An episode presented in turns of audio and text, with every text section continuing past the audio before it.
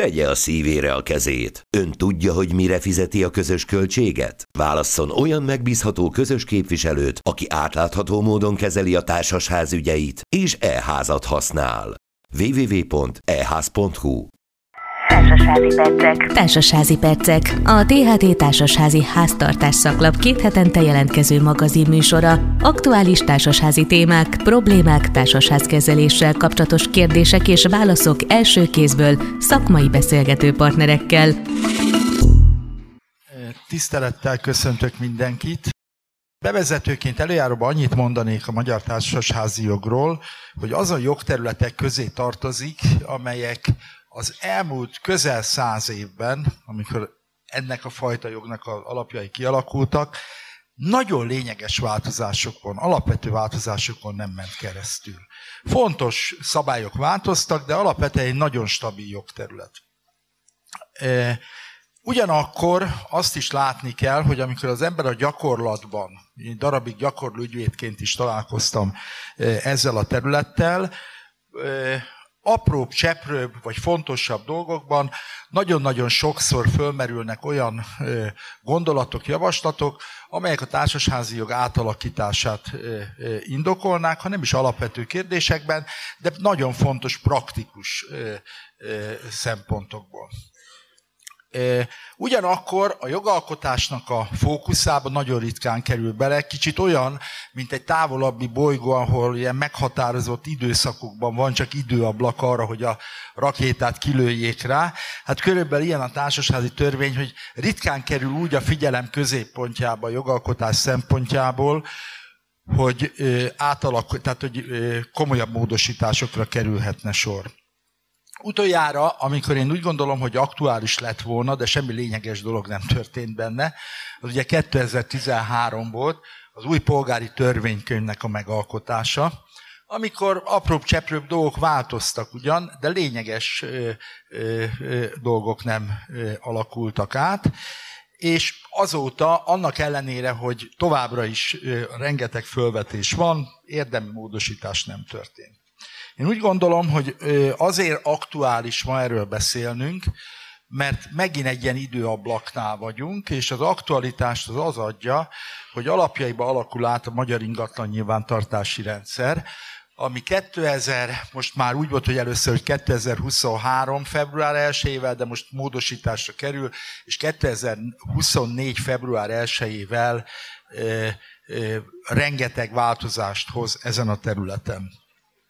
Ebből következően én azt gondolom, hogy körülbelül most van egy hat hónapos időtartam, amikor a társasházi jognak, jogba fölmerült problémákat, amik részben az ingatlan nyilvántartáshoz kötődnek, de jelentős részük lehet olyan is, ami nem az ingatlan nyilvántartáshoz kapcsolódik, terítékre kerülhetnek, és adott esetben módosításokat, módosító javaslatokat lehet megfogalmazni.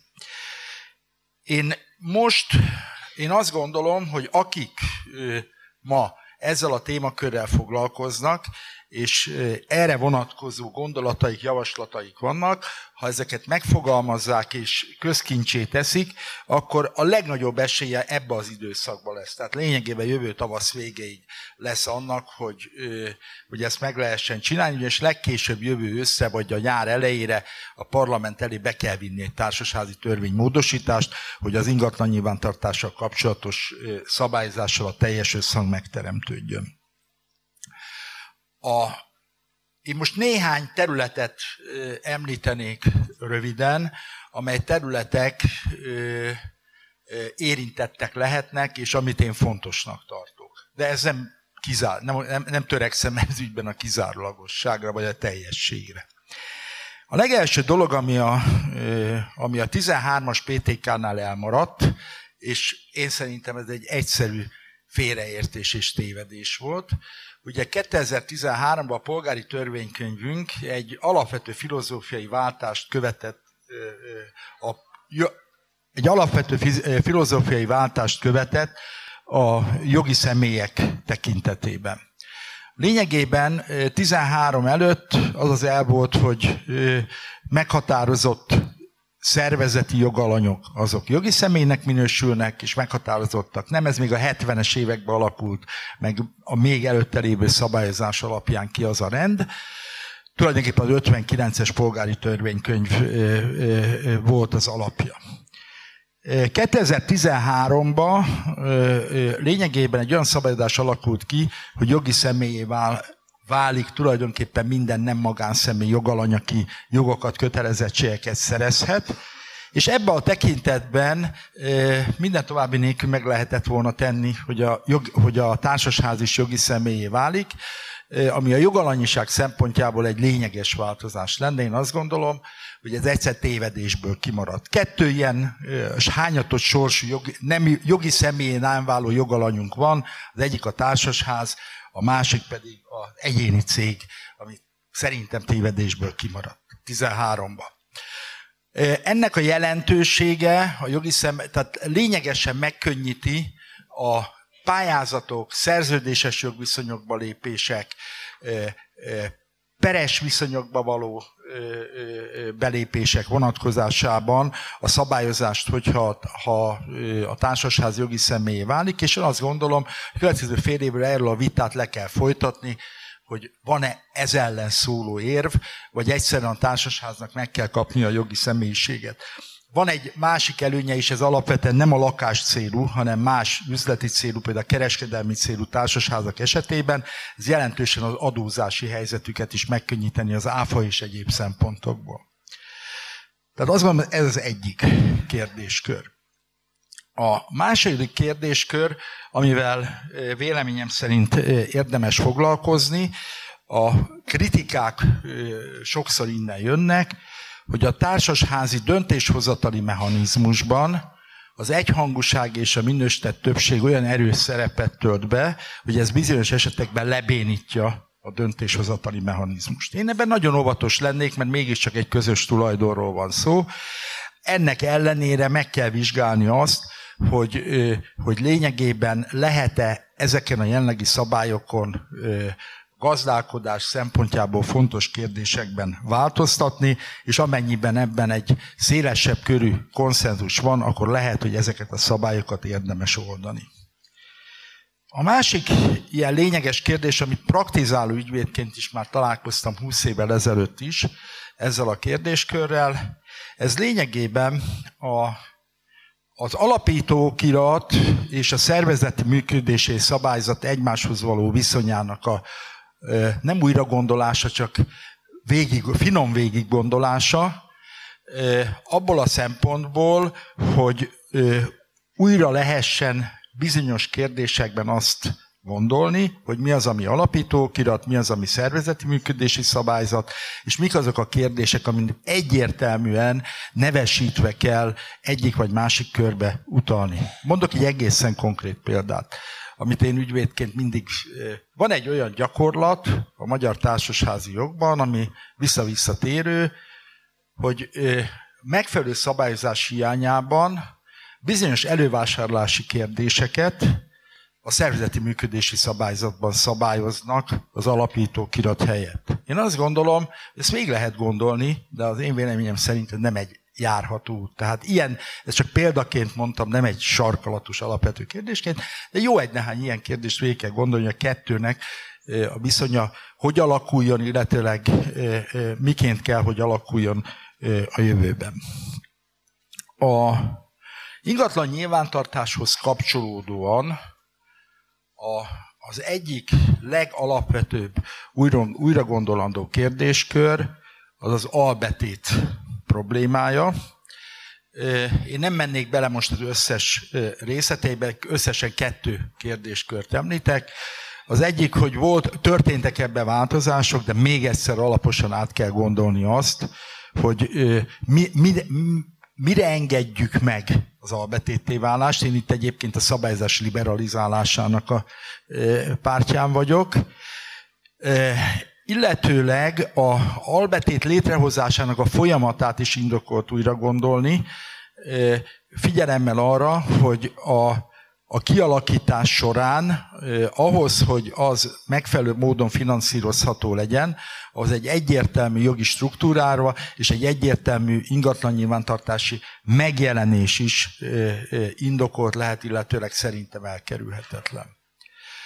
Szintén az ingatlan nyilvántartáshoz kapcsolódik, ugye mi általában nagyon sokszor úgy gondolkodunk a társasházi szabályozásban, amikor már létrejött a társasház.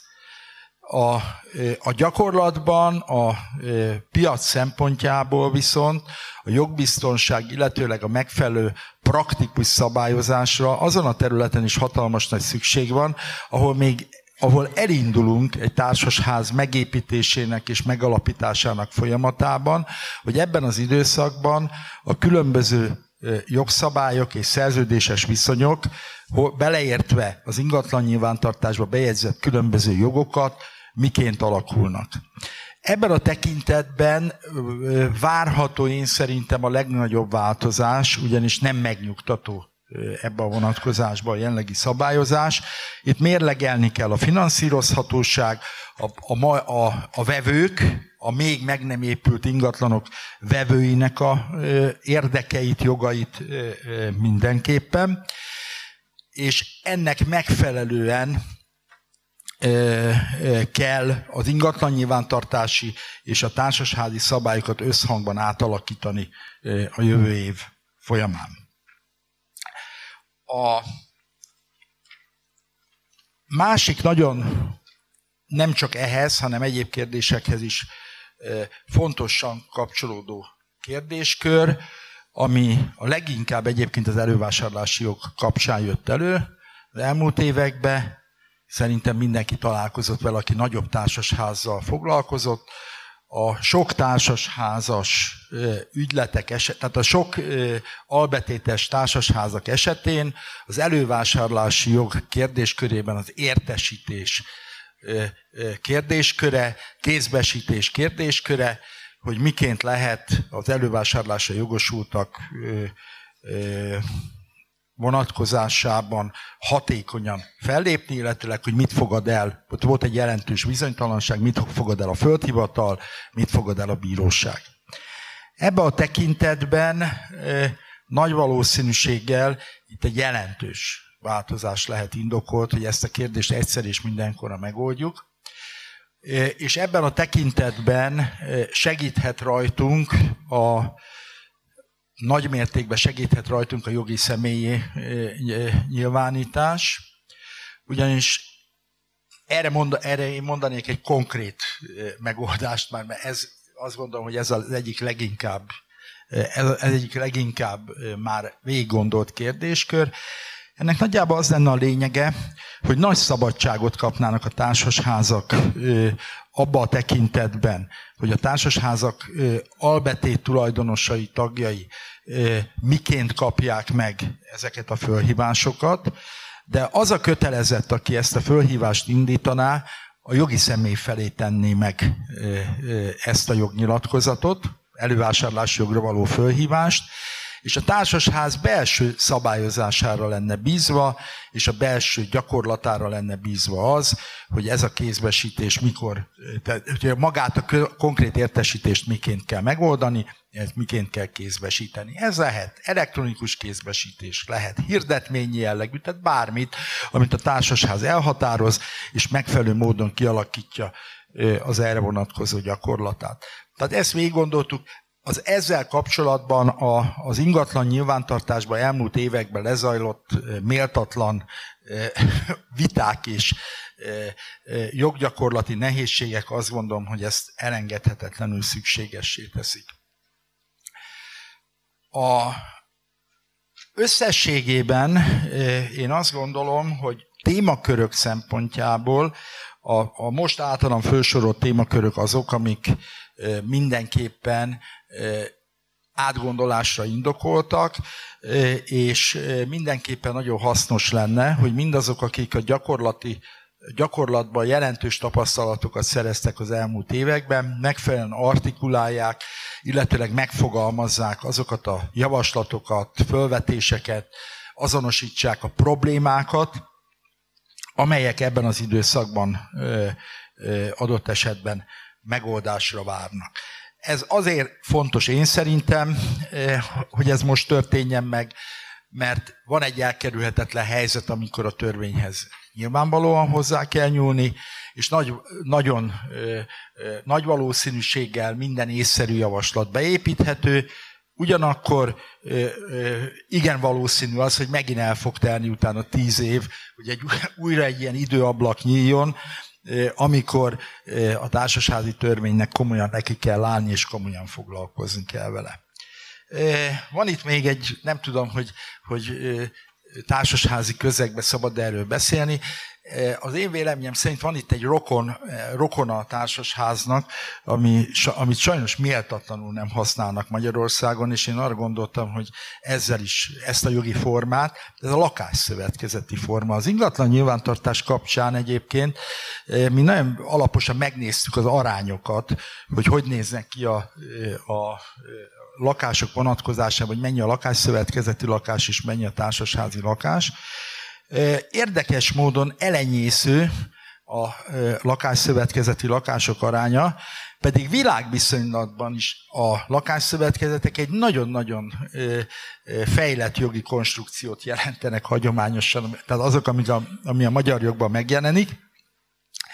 Tehát én azt gondolom, hogy a szabályzás során azt is végig gondoljuk, hogy kicsit fölhívni a figyelmet erre az alternatív formára, illetve kicsit megvizsgálni azt, hogy vajon az új építésű lakások vonatkozásában ezt a jogi formát miért nem használják a gyakorlatban olyan nagyon. Nekem van egy teóriám rá, a szövetkezet elnevezésnek van egy ilyen pejoratív kicsengése, ezt úgy tekintik egyébként, mint egy ilyen szocialista típusú valami múltbéli őskövület. A vicces az egyébként, hogyha valaki megnézi a Magyarországi Lakásszövetkezeti Törvényt, és összeveti azt a New York város társasházi jogával, a kettő szinte megegyezik tulajdonképpen. Tehát jelzem azt, hogy a lakásszövetkezet jogi forma, senkit nem akarok rábeszélni, de nem ördögtől való, nem korszerűtlen, egy nagyon jó jogi formula. Végezetül lezárásként én egy praktikus javaslatot tennék. A praktikus javaslat az az lenne, hogy nagyon jó lenne, hogyha erről ebbe a következő három-négy hónapban én úgy gondolom, hogy ez nagyjából március-áprilisig érdekes, megfogalmazódnának olyan cikkek, tanulmányok, gondolatok, fórumok, különböző fórumokon összeszedett javaslatok, amelyek valamilyen módon ebbe a jogalkotási folyamatba a következő fél évbe beépülhetnek. A magam részéről erre nyitottan állok. Én egy dolgot kérek, hogy ezek lehetőleg markánsan artikuláltak legyenek, és valamiféle kisebb vagy nagyobb közösségnek egy, egy struktúrált javaslata legyen, mert a véletlenszerű, ötletszerű javaslatok sokkal nehezebben dolgozhatók föl. Nagyon szépen köszönöm a figyelmet. Ez volt a Társasházi Percek, a THT Társasházi Háztartás szaklap két hetente jelentkező magazinműsora. Kérdés vagy észrevétel esetén e-mail címünk podcastkukac.tht.hu